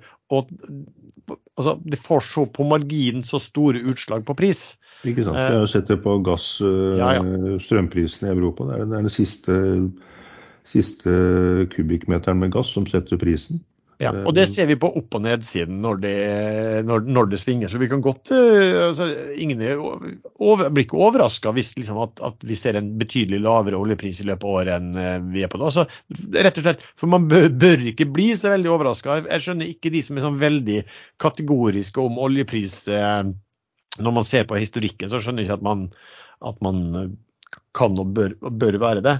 Um, så er det jo ting, En ting er jo selvfølgelig at en resesjon vil jo sette følge på oljeetterspørselen. Men så skal man også huske på at Kina har vært nedstengt da, og har egentlig etterspurt betydelig mindre olje, eller konsumert mindre olje enn de vanligvis gjør. Da. Så du har noen sånn vekter mot her. Men, men, men det, det, jeg syns det er veldig, veldig altså Råvarer er jo veldig vanskelig å, eh, å spå. og Da kan man jo tenke seg at ok, ligger liksom brent på mellom 70 og 80 dollar fatet, så tror jeg det ville være bra. Vil gi god inntjening til, til oljeservice, i hvert fall. Og, og selvfølgelig oljeprodusenter. Du Sven, du begynner å nærme deg allerede med din sorte svane Tesla-konkurs. Laveste noterte kursen i åpningstiden i år er 104,64. Og der har den vært under i førhandelen i dag. Det er, ikke rart, til, det er ikke rart det etter den, den, meldingen fra Reuters om at de må øh, redusere prisene sine i Kina. Ikke sant? Så kanskje den faller under 100 dollar i dag. Og du må tilbake til august 2020. Det er to og et halvt år siden at kursen var på det nivået her. Hans spørsmål, Sven. Tror du det kommer oppskrivninger av uh, verdiene, supply-verdiene, altså flåteverdiene, eh, i Q4? Dvs. Si årsregnskapet? Um, det kan godt være. Jeg har forresten kjøpt aksjer i et uh, selskap som heter Olympic Subsea. Uh, som er um, eier av en del sånn OSV-skip. Um, de har gjort en restrukturering på bronssiden. Uh, og de holder på med en restrukturering av bankgjelden sin i tillegg. Og de, jeg, for, jeg har fått for øre at de må hente litt penger, og de skal gjøre en fortrinnsrettsemisjon. Eh, og Derfor kjøpte jeg noen aksjer der for å kunne være med på, på den der. Eh, en del lavere skipsverdier enn f.eks. denne CSV-en til, til, Solstad ble solgt for eh, rett før eh, jul. Mm. Så jeg håper den blir bra. Ja, jeg lurer på meg, jeg lurer land eier den, eller hvilken eier? Mm? Er det gresk? Olympic? Nei, det er Jeg tror det er Fosnavåg, det òg. Det er han Stig Remøy. Re, ja. Um, jeg tror faktisk at jeg eier noen aksjer. Jeg lurer på meg, for jeg eide jo noen, noen, litt obligasjoner der en gang i tiden som ble konvertert. og sånn. Jeg har ikke fulgt med, for det var, ble så lite verdt. Så jeg tror jeg har noen aksjer der. Ja, men da får du lov å være med på fortrinnsrettsemisjonen som kommer snart. Jøss, yes, hvilken glede. Ja, det er bare å tegne. Eller bare la være å tegne, sånn at de andre er Snarere enn det. Um, et spørsmål her. Vil nedgangen i, i oppdrett etter grunnrenteforslag, vil, det, vil hele nedgangen bli henta inn? Sven? Nei, hvordan i helvete skulle jeg vite det? Det er jo spørsmål, spørsmål liksom, skal denne aksjen opp eller ned i morgen. Jeg vet ja, ikke det, jeg. Eller jeg har ikke peiling. Oraklet fra Solastranden? Solastranden. Hadde du sagt Rægestrand eller uh, Hellestustrand eller Vigdelstranden, så kunne jeg vært med, men Solastranden er feil strand, altså. Ok. Uh, jeg kan bare nevne det, da, på, på, at uh, Movi var vel faktisk oppe tilbake igjen nå på omtrent samme kurs for noen dager siden som de hadde før grunnrenteforslaget slo inn. De der oppdrettsselskapene driver jo og flytter disse lisensene sine over i sånn tomme selskap. Så de har jo en eller annen mystisk og ond plan for å vri seg unna skattebetalinger her, føler jeg. Er det ikke det som kalles skatteplanlegging, som er ja. ulovlig per definisjon i Norge? Er det ulovlig? Skatteplanlegging er ulovlig. Ja, De gjør vel alt da for å presse fram et eller annet, at de skal få en bedre vilkår enn hva som er foreslått. da. Det er jo bare sånn det er. Det er hvis intensjonen kun er eh, å betale mindre skatt, så er det ulovlig. Sven, er det et spørsmål Det prøver jeg egentlig på hvert år. Ja, ja, så det er jo veldig merkelig definisjon. Men det, det er jo Prinsippet er jo greit nok. At uh, man skal betale skatten sin med glede. Uh, ikke bare uh, jukse og vri og tviste rundt dette. Ja, men det var en sak i media nå i romjulen, eller var det nå rett over nyttår, at disse, altså en del av disse finanskjendisene som har gått på litt sånn store papirtap i løpet av året, tok og putta inn ekstra kapital i selskapet som eide de aksjene, for å få en annen formuesverdi på dem, sånn at de slapp unna en del formuesskatt. Og, og, der er jo det eneste formålet kun å, å, å betale mindre skatt. Ja, da risikerer de fort gjennomskjæring. Ja, jeg visste ikke at sånn gikk an engang, men de må ha gode rådgivere. Sven, spørsmålet til deg helt åpenbart. Altså, hvordan opererer du i obligasjonsmarkedet? F.eks. hvordan finner du fram til gode case? Uh, jeg er faktisk heldig og har en del kontakter som kan mer enn meg uh, om dette. Som av og til gir innspill. Og så er det òg enkelte obligasjonsmeglere som er utstyrt med, med en bra sans for hva som er good og hva som er dårlig. Så jeg ja, jeg støtter meg på en del innspill fra folk som har mer peiling enn meg. For der er det også sånn prisbilde også, er ofte litt forvirrende her. Sånn ja, det er bare tulletøys. Der må du ja. liksom eh, Ja. Noen sammenligner det med sånn uh, tyrkisk teppebasar. Uh, Ikke sant? Ja. Det ene prises som det ene stedet, og det er litt sånn avhengig av det, det store store sprik. og Derfor er det lurt å, hvis du skal kjøpe eller selge noe, ikke bare ta kontakt med én megler, men ta i hvert fall kontakt med to som du vet har eh, flyt i, i det og det papiret. Fordi at det, eh, det kan være store, altså relativt store forskjeller i, i kjøps- og salgskurser. Ja. Men å, å, finne gode case, eh, da er du avhengig av no, enten noen som som kan dette her godt, da, som du, som du stoler på og teften på. Ellers må du nesten lese gjennom en del av lånepapirene selv for å faktisk skjønne Ja, og det har jeg gjort en del ganger, og det er tung materie. og men heldigvis er det på engelsk, holdt jeg på å si. Eh, det er jo ofte ikke en fordel. Men eh, nei, men spør noen som du tror eller vet har bedre peiling enn deg. Av og til tror jeg jeg har funnet et bra case, og så spør jeg noen, så sier de nei, sånn og sånn, der må du passe på, det kan bli sånn og sånn, for du har glemt å få med deg en detalj på at det f.eks. var fire milliarder warrants som, som skal konverteres osv. Altså, det er alltid et eller annet som du ikke får med deg, for det er komplekst materiale. Så jeg anbefaler ingen nybegynnere å hoppe ut i obligasjonsmarkedet uten uh, ha på seg redningsvest. Mm. Annet spørsmål her om NRC Group og framtidsutsiktene. Er det noen, noen som har noe spesiell Jeg følger med på han. Uh, han ligger død som en sild. Altså død som en død sild. Uh, eneste medisinen for å få liv i den silden der, det er sikkert uh, bedre marginer og, og regnskapstall som, som, viser at trenden med lave marginer er snudd. Rex silikon er det jo mange som er interessert i. Den har falt, eh, ja, den har falt eh, over 22% bare den siste måneden. Eh, Erlend, vet du hvorfor? Ja, det er jo Vi hadde jo Molnes som gjest her i Aksjesladder, og han Det var vel den dagen han hadde sagt noe i Finansavis-TV-en som ikke stemte helt. Eh, så han blir jo griseslaktet både her og der eh, i mange uker etterpå. Men kursmessig har han fått helt rett, rett i rekk. Nå er den på 12,70. Den eh, var pluss-minus 20-tallet, og alle trodde den skulle opp. Hans hovedargument er at hovedeieren, den sørkoreanske Hanwa, ikke kommer til å betale mer for produktene til REC i USA enn de kan få kjøpt tilsvarende i Kina.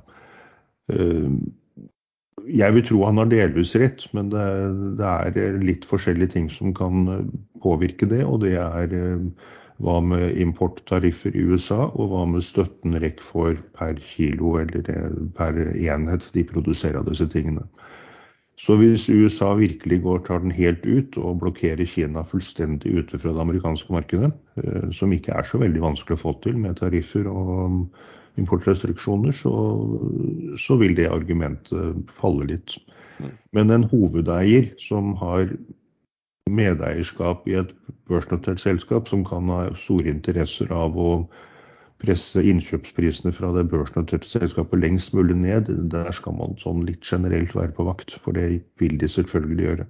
Det var litt spesielt, for det var jo da noen uh, minoritet, noen fond og sånn, som, som, ville uh, ha inn et, et, nytt medlem, et nytt styremedlem som de mente kunne være frittstående. Um, og der han var da uh, ikke, var, ikke, ville stemme inn det medlemmet, men de, de, valgte heller et annet medlem som de valgte ut, som kunne være frittstående, på en måte helt, helt uavhengig. da. Så, så, man blir jo litt sånn tvilende til det, hvorfor det også. Men, men, men en ting er alt det her, men, at, men, det er jo fordi at, at rekka har falt så mye nå på måneden, er jo fordi at de silisiumprisene, eh, altså det som REC eh, produserer, de har, de har, jo falt 50 ja, i Kina, men det skal jo ikke ha noe å si hvis USA klarer å lukke markedet sitt fullstendig. Hvis, ja. Men hvis, ja. Ikke sant. Annet spørsmål er sikkert en som ikke er så fornøyd med aksjene. For hvorfor kommer det ikke oppgang i BV Offshore? Har du anelse på, Kan du noe om den, Sven? BV Offshore er jo en uh, eier av FPSO-er som for det meste er på kontrakt, men hvor uh, altså kontraktsvilkårene henger litt igjen da, fra de litt dårlige tidene, vil jeg tro. Uh, sånn at inntjeninger og alt dette her kanskje har legget litt. Men uh, den vil jo bli interessant når de skal reforhandle nye kontrakter. Det kom en melding nå for noen dager siden om at de inngikk en kortvarig avtale nede i Nigeria på eh, en FPSO med, på 14 dager, fordi at de driver og renegotiate terms for en forlengelse. Så jeg tror at den kanskje er good eh, litt framover, når de får nye kontraktsvilkår på de båtene som de eier. Mm. De har òg en andel i dette her BWE, eh, så vidt jeg husker. Selv om de har solgt seg eh, ned, så har de vel fortsatt en betydelig andel, har de ikke det? Det mener jeg at de har, ja. Og, og den kursen har jo vært litt slack, så det kan jo henge litt sammen der òg, da. Litt sammensatt bilde. Spørsmål om Elliptic Labs, E-Labs, om de kan nå guide et inntektsmål på 500 millioner kroner i 2023. Uh, nå leste jeg noen analytikere, det var vel Petter Kongsli i Sparebank1 Markets, som skrev at det var vel ikke akkurat hovedtesen det, og tvilende til det. Eh, men nå har jo de produsert og kommet med veldig mye avtaler eh, de, egentlig de siste eh, dagene og ukene.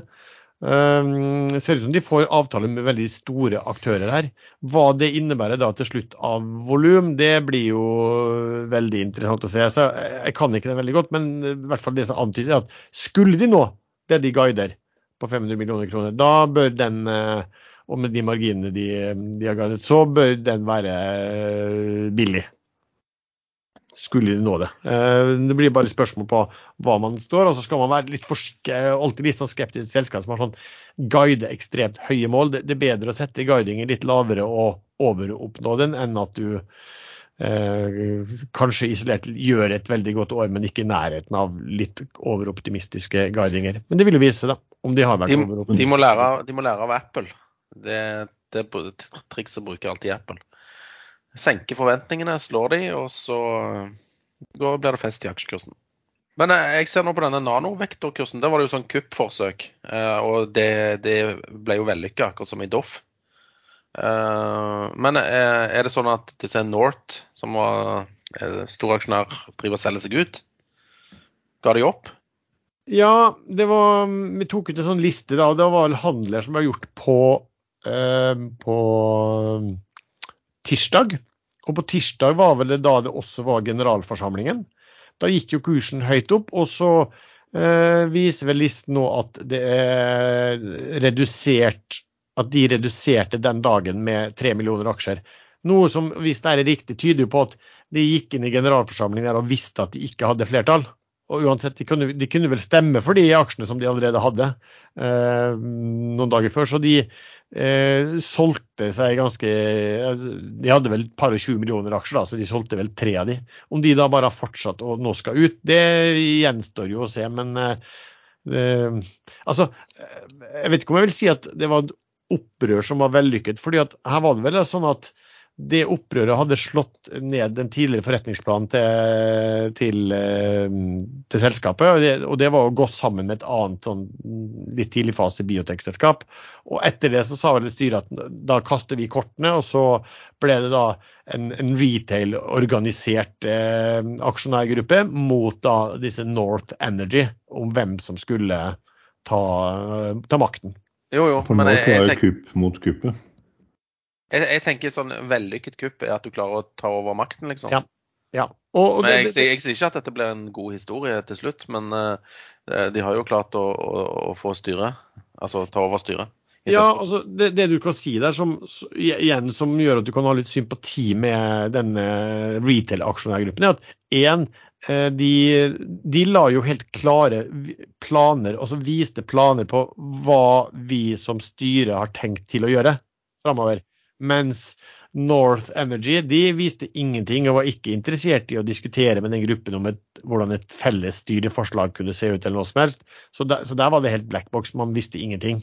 Eh, sånn sett er det jo, er det jo litt eh, eh, bra da, at denne eh, vant de som faktisk vil spille med åpne kort. Og så, så kan det jo være at husker, Vi har jo snakket der om Nordic Nanovect som har veldig stort sånn skattemessig framførbart underskudd, og det kan jo kanskje gjort at det ville være vanskelig for North Energy å si hva planene var. Hvis du, hvis du sier at planen er på å bruke et framførbart underskudd, så, så åpner du jo litt eh, for en skattemessig gjennomskjæring også, kanskje.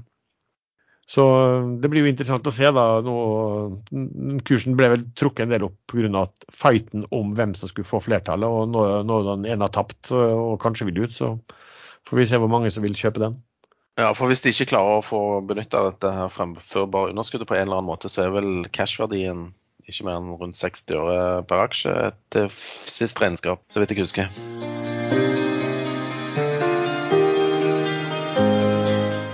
Ekstrainvestor sender daglig ut nyhetsbrevet Børsekstra til over 18 000 mottakere. Kombinert med svært høy daglig åpningsfrekvens gjør det den til Norges mest leste nyhetsbrev for investorer. Her kan du bli informert om spennende nyheter som kan påvirke børs og enkeltaksjer samme dag, om helt ferske kursmål og anbefalinger på aksjer på Oslo Børs fra meglerhus i inn- og utland, samt ta del i utfall fra den tidvis gretne redaktøren. Du kan motta Børsekstra hver dag før børsen starter mot den lave summen av NOK 139 per måned eller NOK 1150 per år. Eller få den gratis ved utsendelse klokken 14.00. Du kan i første omgang melde deg på gratisversjonen ved å besøke nettsiden til ekstrainvestor.com og velge Børsekstra under menyvalget Våre tjenester.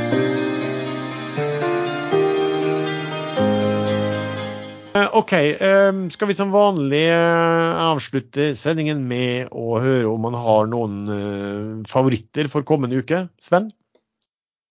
Mm, Jeg syns det er vanskelig, eh, fordi at nå har jeg fått sånn Hva det heter sånn eh, tomrom etter disse julekulene og, og rakettene. Så mm, jeg har havna litt i et slags vakuum. Så jeg kanskje vil anbefale folk å se på denne AI-aksjen og gjerne gjøre litt research og komme med litt tilbakemelding om den. eh, Om det er noe eller ikke. Jeg har kjøpt litt sjøl, men jeg er fortsatt i, eh, i eh, researchfasen på, på det selskapet, om det kan bli noe. Så jeg har egentlig ingen eh, veldig klar case eh, for den kommende uken. Jeg har solgt denne VSS AB-en. Den, er jo helt- den er jo helt svart i dag, den. Hvor- Hvorfor er det ikke kurs der? Eh, kanskje fordi at Sverige er stengt i dag, eller? Har du stengt nå igjen? Det er Ja, altså, var ikke, det var ikke kurser, det, det var bare helt svart bilde. Ja. Sist, gang, sist gang dette skjedde, så var det i hvert fall noen kurser. Men eh, OK. Nei, men den ble ganske bra for lenge, og den, den solgte jeg med hyggelig gevinst. Men eh, som så faen, da. Men den kan fortsatt bare tikke og gå. Så de hadde fått et sånne isbryteroppdrag òg med svenske myndigheter. Så da tar de ut par en av båtene. Jo, jo, men eh, det er low season nå, vet du. Så alt hjelper. Så eh, nei, jeg beklager. Eh, AI på Nyse. Erlend? Ja, nei, jeg kommer til å fortsette å hodle. Hold on for dear life i Calera. Eh, Satser på at de får solgt unna alt utenfor USA. Dette har jeg snakket om før. Men eh, det er en interessant aksje som dukket opp i går, og da var det jo kokken Thor på Ekstrainvestor som eh, så det tidlig. Det er denne HKD. Det er et Hongkong-selskap, er det ikke det? Som kom på børs her i 2020 en gang og gikk fra, gikk fra 10 dollar til 2450 eller hva det var. Det var liksom helt vilt. Uh, og nå var den på 10 dollar i går og steg til sluttet på 30 dollar close i går. Og handles nå i premarkedet for rundt 50. Nå er jeg helt oppe i 54, så jeg. Så. Det er litt irriterende, for den vurderte jeg hva skal ta i går. Uh, men den omsetningen stoppet litt opp, og den flatet ut på sånn 7-28 dollar. Men det er klart det hadde vært morsomt å ha tatt 100 til den over natten. Men nå er den nede på 47 eh, igjen. Nordnett har ikke de sperra for handel i den? Jo, men DNB kan det handle den. DNB har ingen risikovurderinger på Hongkong-selskap. det lover godt. Men HKD det er jo å vurdere risiko. Ja, det er bra. HKD er jo forkortelse for Hongkong-dollar òg, da. Så folk må jo ikke ta feil, da. Og kjøpe NOK HKD istedenfor uh, aksjen HKD. Men jeg tror dette er ren scam. AMT, det digital kaller de seg. og I fjor så var det vel den gikk så mye fordi det var noen som skulle innløse noen green shoe eller noe sånt, som gjorde at kursen bare gikk og gikk og gikk. 2900 mener jeg har lest. Og da håper selvfølgelig alle at det skal gjenta seg, men eh, den har dratt på ganske mye flere ganger siden det. Eh, men aldri i nærheten av det samme. Så der risikerer man å tape mye penger hvis man går inn. Eh, plutselig så dumpes den rett ned. Jeg skal følge med på. Kanskje litt sånn krydder før helgen eller neste uke. Ok, ja For min del så nevnte jeg jo at jeg har endelig kommet meg inn i Hafnia igjen. Eh, hvis den kursen tikker litt oppover, så kommer jeg sikkert til å kjøpe mer der. Men det, er jo litt sånn at til forskjell på forrige gang når jeg gikk inn i den type, så var det jo at da var ratene stadig vekk tikket opp, oppover. Det gjør de vel egentlig ikke nå. Nå tikker de vel nedover. Da, nå begynner spillet kanskje mer å bli at eh, de, er så, de, er så, de, er så, billige likevel. Um, um, på, de, på, de, ratene som er. Men, det er litt sånn på shipping at um, ofte og, altså, når, når, ratene begynner å gå nedover, så faller shipping ganske fort også. Det har du sett f.eks. på denne eh, Cool eh, LNG, som har vært eh, langt høyt oppe på 100-tallet, og som nå er nede på 107